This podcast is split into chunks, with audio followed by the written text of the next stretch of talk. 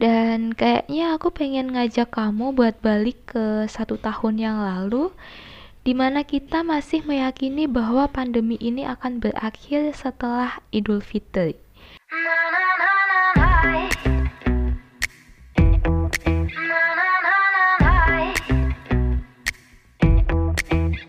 Ya.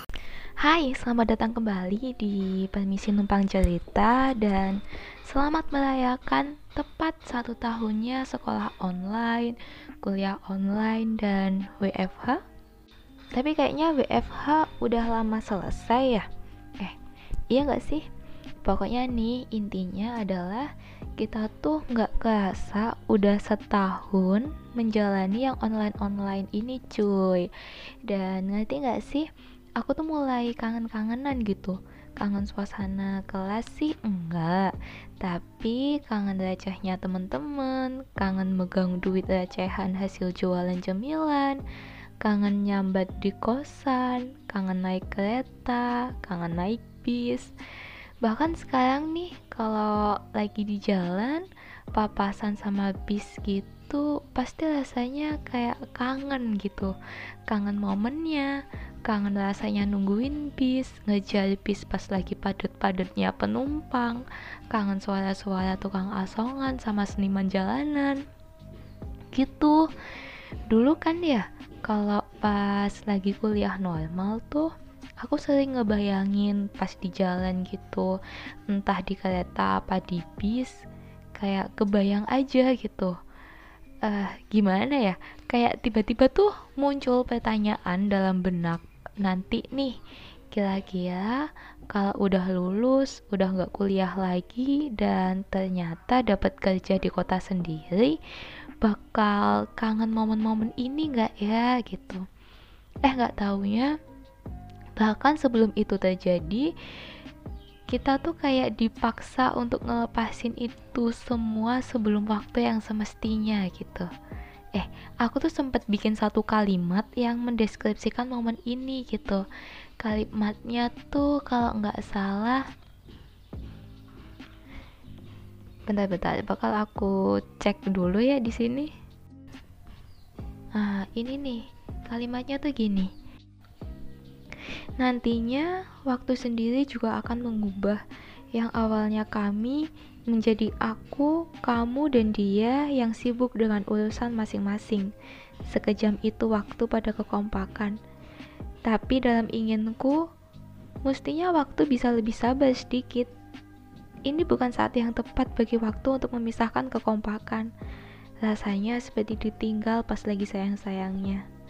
Kediri, 17 Juni 2020. Itu aku buat ketika aku baru aja menyadari kalau pas momen-momen pandemi ini adalah momen yang eh gini gini. Pas di momen sebelum pandemi ini itu adalah momen ketika aku pertama kalinya nemu teman-teman yang enak banget buat diajakin diskusi temen yang enak banget buat diajakin hahihi pokoknya aku baru aja nemu teman-teman yang sefrekuensi gitu sama aku.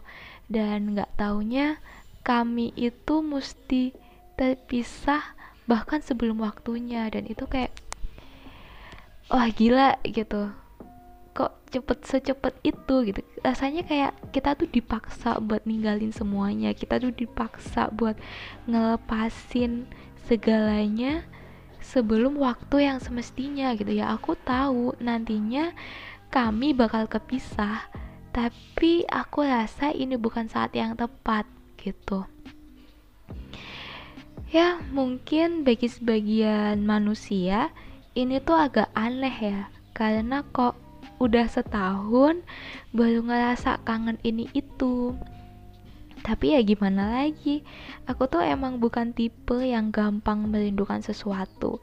Bahkan waktu liburan semester minggu-minggu awal liburan tuh aku kayak yang pengennya cuman hibernasi gitu. Pengennya cuman aku habisin buat diri aku sendiri buat ngumpul sama keluarga. Ya udah di rumah doang nggak ngapa-ngapain nggak ke mana-mana nggak pegang HP bahkan ketika HP itu low bed baterainya habis sampai mati pun aku nggak peduli gitu.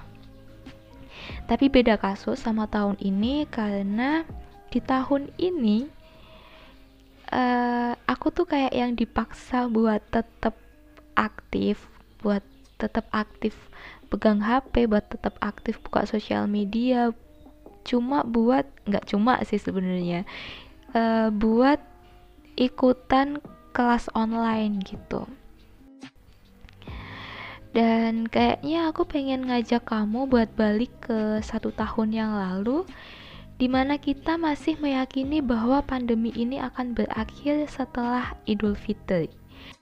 Jadi pada hari itu tepat hari ini satu tahun yang lalu aku masih inget banget mesti balik ke kosan cuma buat ambil laptop gitu.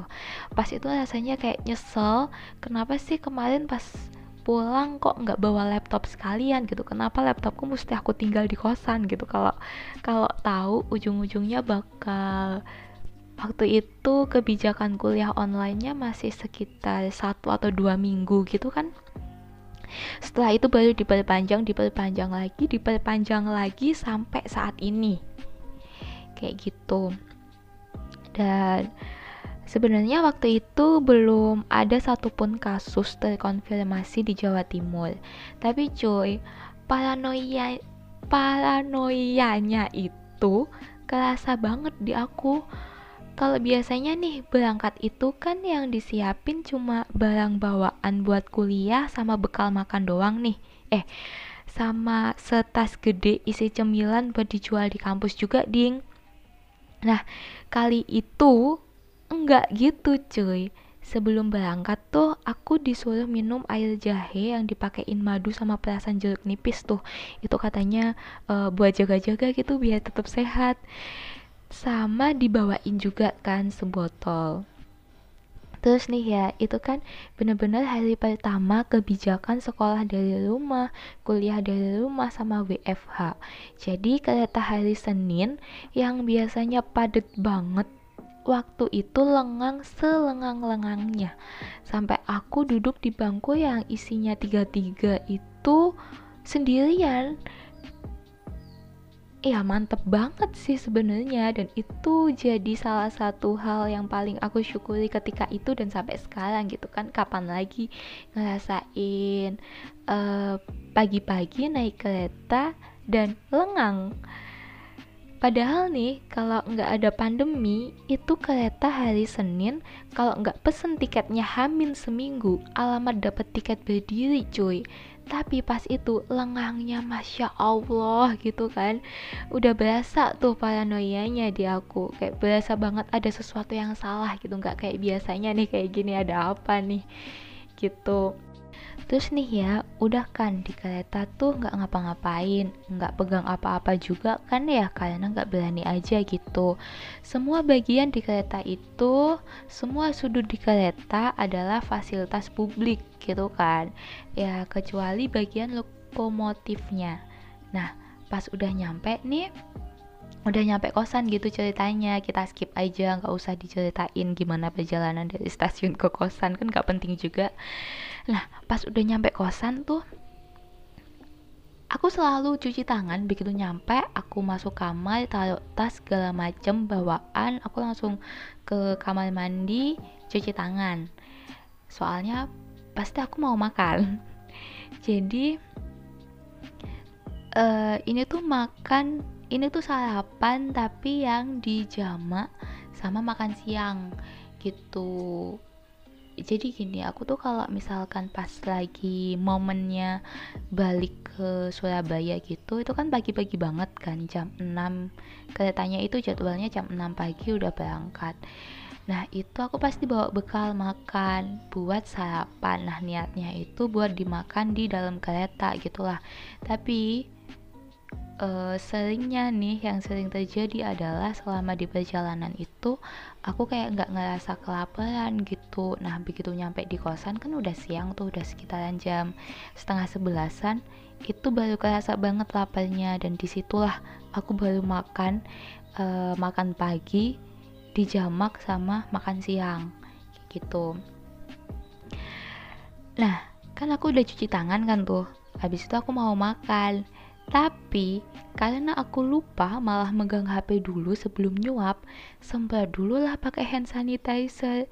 Udah itu semua barang yang aku pegang itu tuh aku semprotin pakai hand sanitizer saking takutnya HP aku lap pakai hand sanitizer. Terus segala macam hal yang aku pegang tuh botol botol minum itu juga aku semprot pakai hand sanitizer bahkan sampai kacamata aku pun aku sempatnya pakai hand sanitizer saking takutnya. Segila itu astaga kalau ingat momen-momen itu tuh ya kayak pengen ngakak tau gak sih? Ya Allah bisa gitu ya saking paranoianya. Makanya kan dari uh, waktu itu akhirnya aku menyimpulkan kayak sebenarnya tuh yang paling menakutkan dari COVID-19 itu ya paranoianya rasa takutnya itu loh ketakutannya itu. Apalagi kan itu adalah satu momen uh, pertama kalinya nih. Pertama kalinya dalam hidup kita semua ngerasain yang namanya pandemi segede ini ya kan? Dan satu hal yang bikin paling kesel itu adalah pas aku udah pulang kan waktu itu aku PP tuh ya jadi aku langsung pulang gitu. Nah pas dua atau tiga hari setelah aku dari Surabaya itu ada berita dong berapa orang gitu terkonfirmasi COVID-19. Nah, aku yang dari sana dan selalu pakai angkutan umum waktu di sana termasuk Tayo alias bis Surabaya di hari itu langsung kepikiran macem-macem. Hidup tuh nggak tenang sampai 14 hari kemudian. Gila sih.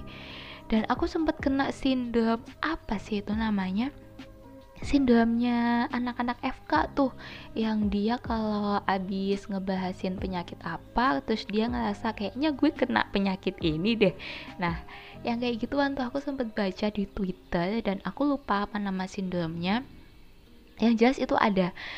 Waktu itu aku pun ngerasain hal serupa jadi nih, tiap abis baca berita tentang COVID-19 tuh berita apa aja itu kan pasti ada kayak disebutin uh, gejala-gejalanya kan. Nah itu tuh langsung bahasa kayak wah gila mau pilek nih rasanya. Wah gila pusing nih tiba-tiba. Wah kok rasanya kayak sesek napas tipis-tipis. Eh taunya habis lihat list tugas yang numpuk. Ya yeah. Apa aku tutup sampai di sini doang ya? Enaknya. Ya udah deh pokoknya gitu. Itu adalah satu hari tepat di hari ini tapi satu tahun yang lalu. Ketika kita semua masih meyakini bahwa COVID-19 akan berakhir ketika lebaran Idul Fitri. Ya begitulah.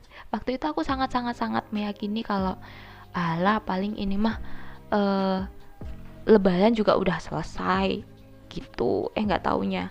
Sampai sekarang pun nggak selesai-selesai dan kita nggak tahu kapan selesainya. Soalnya ya udah satu tahun udah vaksin udah muncul tapi COVID-19 varian baru muncul juga ke Indonesia.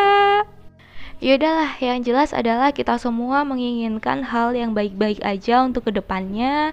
Dan ya kita perlu untuk mengambil hikmahnya doang? Apakah hikmah dari ini semua? Ya kalau dari aku sih adalah uh, udahlah kita hidup tuh nggak usah kebanyakan ekspektasi nggak usah kebanyakan um, mentargetkan sesuatu. Kayak pokoknya tahun ini aku mesti bla bla bla bla bla pokoknya tiga bulan lagi aku mesti bla bla bla. Itu bagus sih sebenarnya nggak apa-apa tapi ya kita perlu meyakini satu hal bahwa segala sesuatu bisa berubah segala sesuatu bisa bisa aja nggak sesuai dengan ekspektasi kita dan kita mesti ikhlas cuy. Udah gitu doang. Udah gitu aja episode kali ini. Selamat memperingati satu tahunnya sekolah online kuliah online dan WFH di Jawa Timur ini. Aku nggak tahu ya kalau di Indonesia bagian yang lain itu kayak gimana yang jelas kalau di Jawa Timur sendiri kebijakan sekolah online dan kuliah online itu dimulai tanggal 16 Maret 2020 saya Zakia, mohon maaf atas segala salah dan lupa. Sampai jumpa. Wassalamualaikum warahmatullahi wabarakatuh.